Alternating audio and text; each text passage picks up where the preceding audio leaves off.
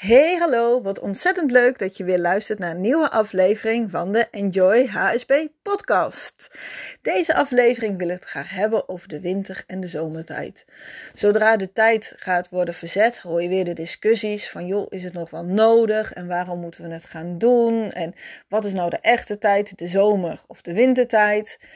En natuurlijk ook de andere discussie van wanneer gaat nou ook alweer de tijd vooruit en wanneer gaat de tijd nou ook weer achteruit. Nou, laatst zaten zoon en ik te kijken naar een aflevering van Klokhuis.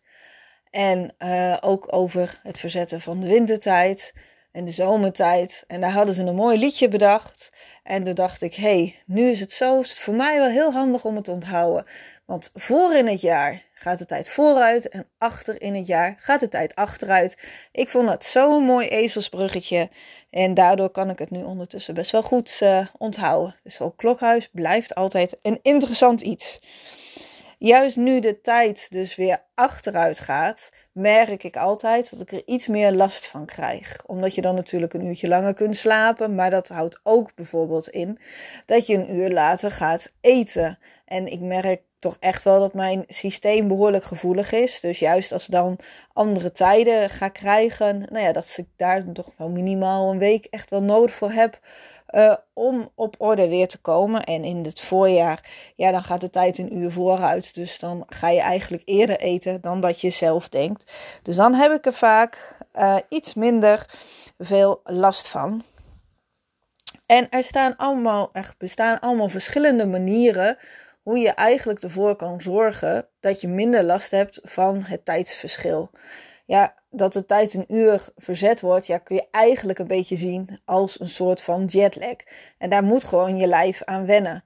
En uh, als jij gaat uh, vliegen en dan is er een tijdsverschil, dan is het heel logisch dat je een jetlag hebt. En veel mensen nemen daar dan wel de tijd voor om die uh, om het lichaam er goed naar te laten wennen. Maar juist als een zomer- of wintertijd denken we heel vaak van joh, het is maar een uurtje.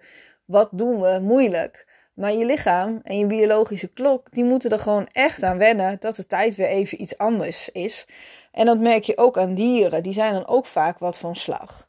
Nou, wat bij ons heel lang heeft geholpen, is om uh, alvast een week van tevoren de tijd te gaan verzetten, zodat het bijna niet opvalt dat de tijd is verzet. De laatste tijd, uh, nou ja, wel een hele poos, dat zo'n lief kan uh, klok kijken, vond hij het een beetje vervelend, want hij wist steeds niet wat is nu de goede tijd en wat is nou de wintertijd, wat is de zomertijd. Dus toen zijn we daar in ieder geval van afgestapt, omdat hij dat gewoon een stuk makkelijker vond dat we de tijd niet gingen verzetten. En hij heeft er eigenlijk vrij weinig last van, van het verzetten van de tijd. Dus daarom eh, hebben we dat niet gedaan. Het enige wat we wel doen is bij het, bijvoorbeeld het avondeten. Dat we zoals nu gaan we steeds een stukje eerder eten, zodat het, we wat makkelijker wennen aan de tijd. En uh, dat klinkt natuurlijk een beetje gek dat je denkt, hè, hoezo ga je nu eerder eten?